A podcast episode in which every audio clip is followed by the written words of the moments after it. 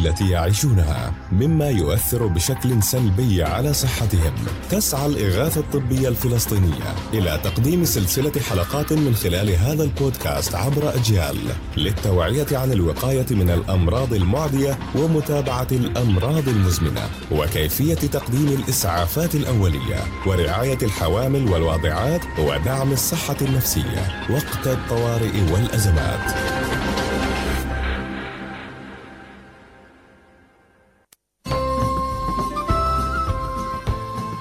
أهلا بكم مستمعينا في كل مكان. 83 يوما من الحرب المتواصلة على قطاع غزة والأطباء لازالوا يعملون بنفس النفس والطواقم الطبية أيضا تستنزف كل طاقتها من أجل المعالجة نفسيا ومعنويا وطبيا أيضا.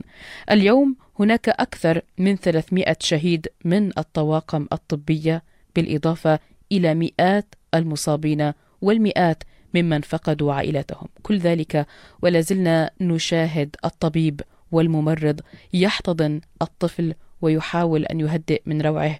وأيضا البعض من الأطباء والممرضين يقومون بنشاطات ترفيهية للمرضى والمصابين من النساء والأطفال والكبار. نتحدث عن الوضع الصحي النفسي هذه المرة للأطباء وللطواقم الطبية للممرضين وللمسعفين وفرق الإنقاذ مع الدكتور آه، إسماعيل زيادة. مرحبا بك معنا وأهلا بك. أهلا وسهلا فيك.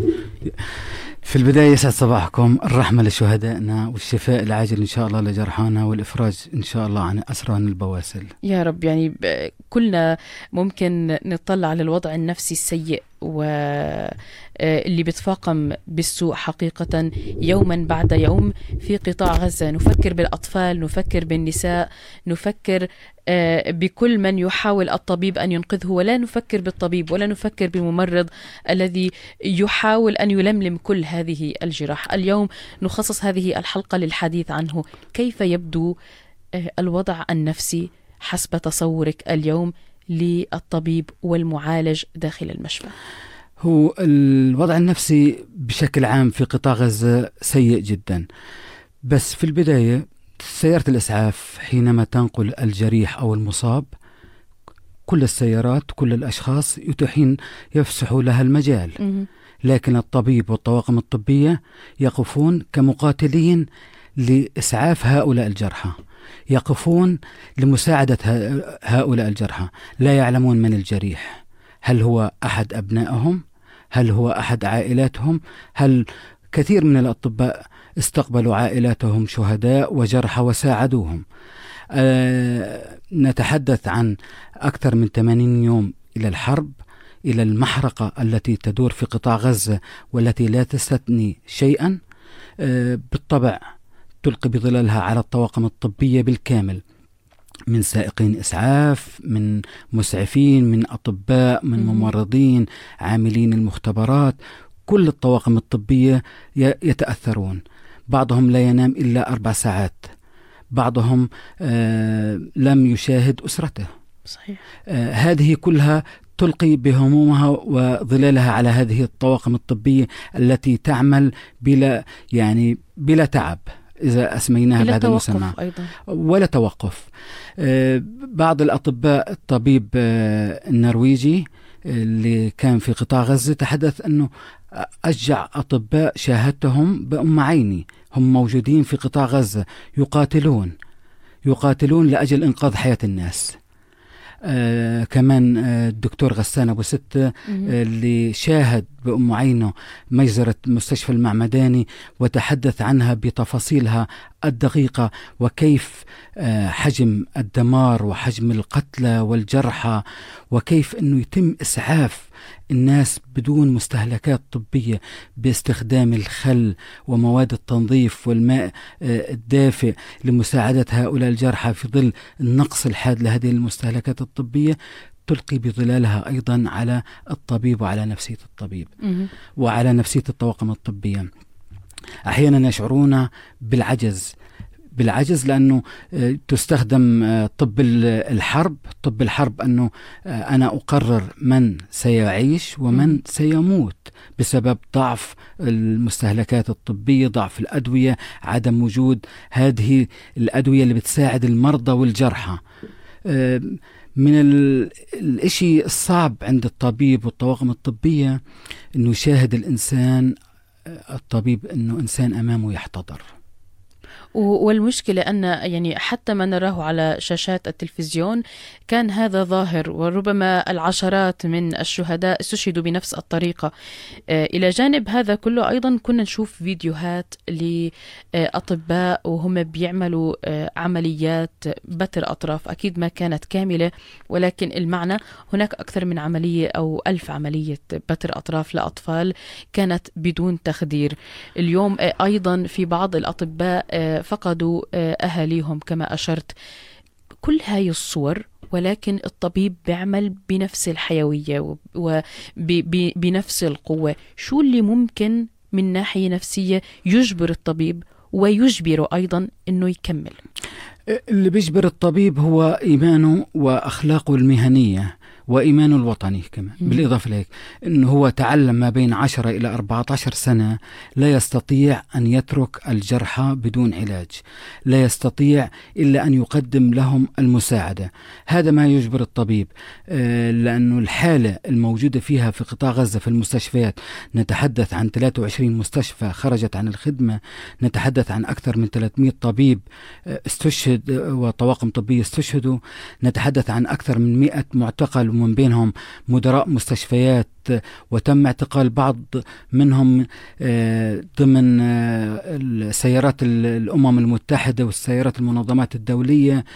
هم كانوا آه، بعملهم الدؤوب بدهم يكسروا مؤامرة الصمت.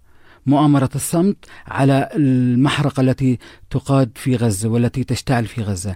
حجم الجروح اللي بيشاهدها الطبيب هي بتعطي صورة عن حجم المعركة الموجودة في قطاع غزة. كل هذه الصور تتخزن في داخله. كل هذه الصور بحاجة إلى عملية آه، فلترة وعملية مسح لها قدر الإمكان. هذا الأمر في ظل استمرار القصف والدمار والقتل للآمنين والأبرياء في قطاع غزة في صعوبة. فلذلك هو يفضل الانهماك في عمله وينكر ذاته. إنكاره لذاته بحيث إنه أنا بحاجة صحيح ممكن أكون بحاجة إلى الدعم النفسي بس في الفترة الحالية أنا لست بحاجة لهذا الدعم النفسي وبحاجة إلى عملي أكثر إنقاذ أرواح أكثر مساعدة الناس بشكل أكبر. آه، الصور اللي بتكون مخزنة عند الطواقم الطبية بحاجة إلى التدخل النفسي. في الفترة الحالية يعني ممكن نعطي شغلتين بسيطات للتدخل بسبب طبيعة الحرب. الجزء الأولاني الحديث عن مشاعرك.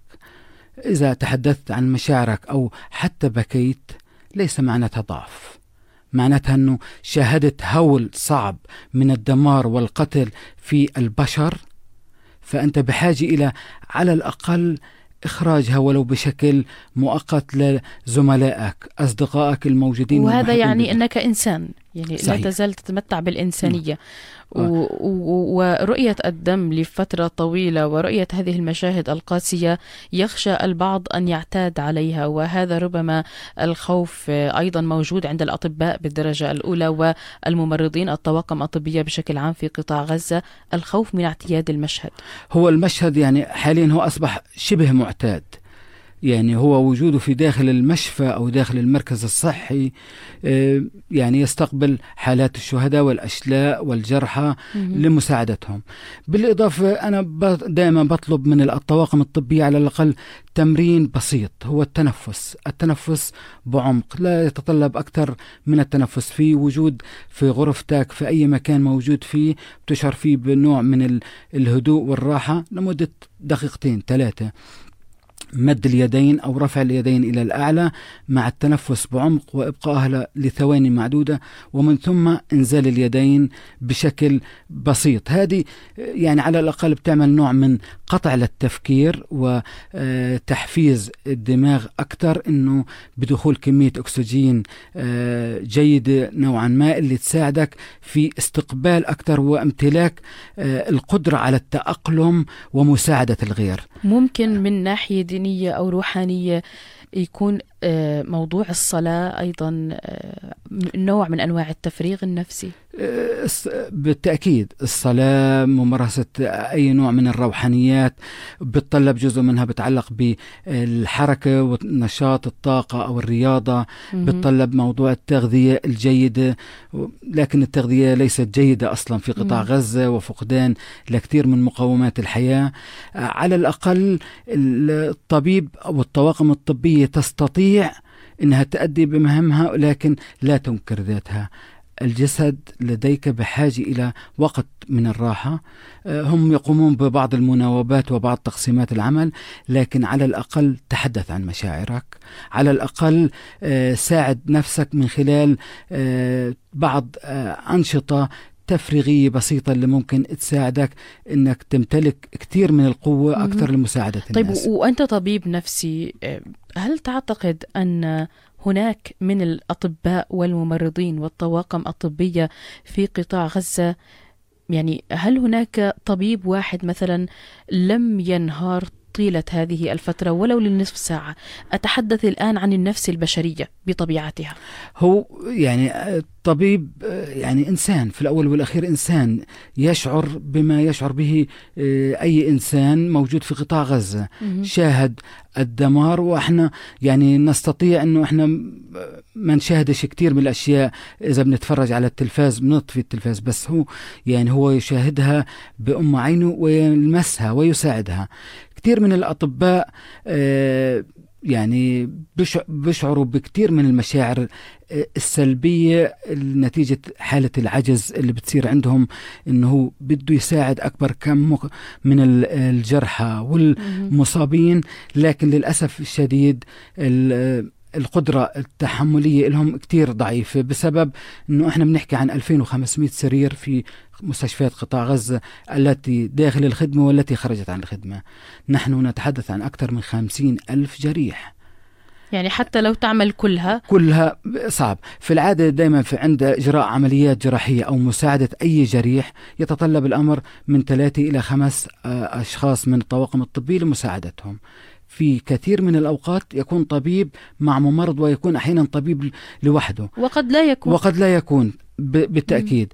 آه، بعض العمليات الجراحية أجريت على آه، أضواء الجوالات. أو الأضواء الصغيرة. هذه كلها تلقي بظلالها. كثير من الأطباء شعروا بنوع من الانهيار لكن آه، استعادوا قوتهم واستملكوا أنفسهم لأنه أمامهم جرحى تطلب العلاج وهو الشخص المخول والوحيد اللي ممكن يساعد الناس. اليوم هو اللي بيرسم البسمة على وجوه الناس دكتور معنا دقيقة واحدة نرسل فيها رسالة لكل الأطباء. الطواقم الطبية من ممرضين من مسعفين من مساعدين هؤلاء الأبطال أبطال الإنسانية وأبطال العمل. الطبي شو ممكن نوجه لهم رسالة في أقل من دقيقة؟ يعني آه، في البداية نرفع لكم القبعة على كل جهودكم. أنتم شجعان ومقاتلين. ليس المطلوب أن نكون المجتمع الفلسطيني بأكمله فدائي لكن كلا في عمله هو فدائي بشكل أو بآخر. الطبيب والطواقم الطبية أنتم قدمتم الكثير وتقدمون الكثير وتحملتم الكثير وستتحملون أيضا الكثير. آه، عليكم بالاهتمام بأنفسكم ولو قليلا حتى تستمدوا جزء من الطاقة للعمل بشكل أكثر. آه، لا نقول لكم إلا كلمة شكرا وهي يعني خجولة كلمة شكرا آه، لجهودكم الجبارة لجهودكم العظيمة. وشكرا أيضا لكل ما تقومون به آه، من رسم ابتسامة من مساعدة من إنقاذ أرواح الكثير من الأبرياء في قطاع غزة. شكرا. شكرا لك دكتور إسماعيل زيادة مدير برنامج الصحة النفسية في الإغاثة الطبية. والشكر موصول أيضا لكل الطواقم الطبية العاملة في قطاع غزة على وجه الخصوص وفي الضفة الغربية. قاطبة كنت معكم في الإعداد والتقديم آلاء العملة في الهندسة الصوتية الزميل محمد جبر. إلى اللقاء.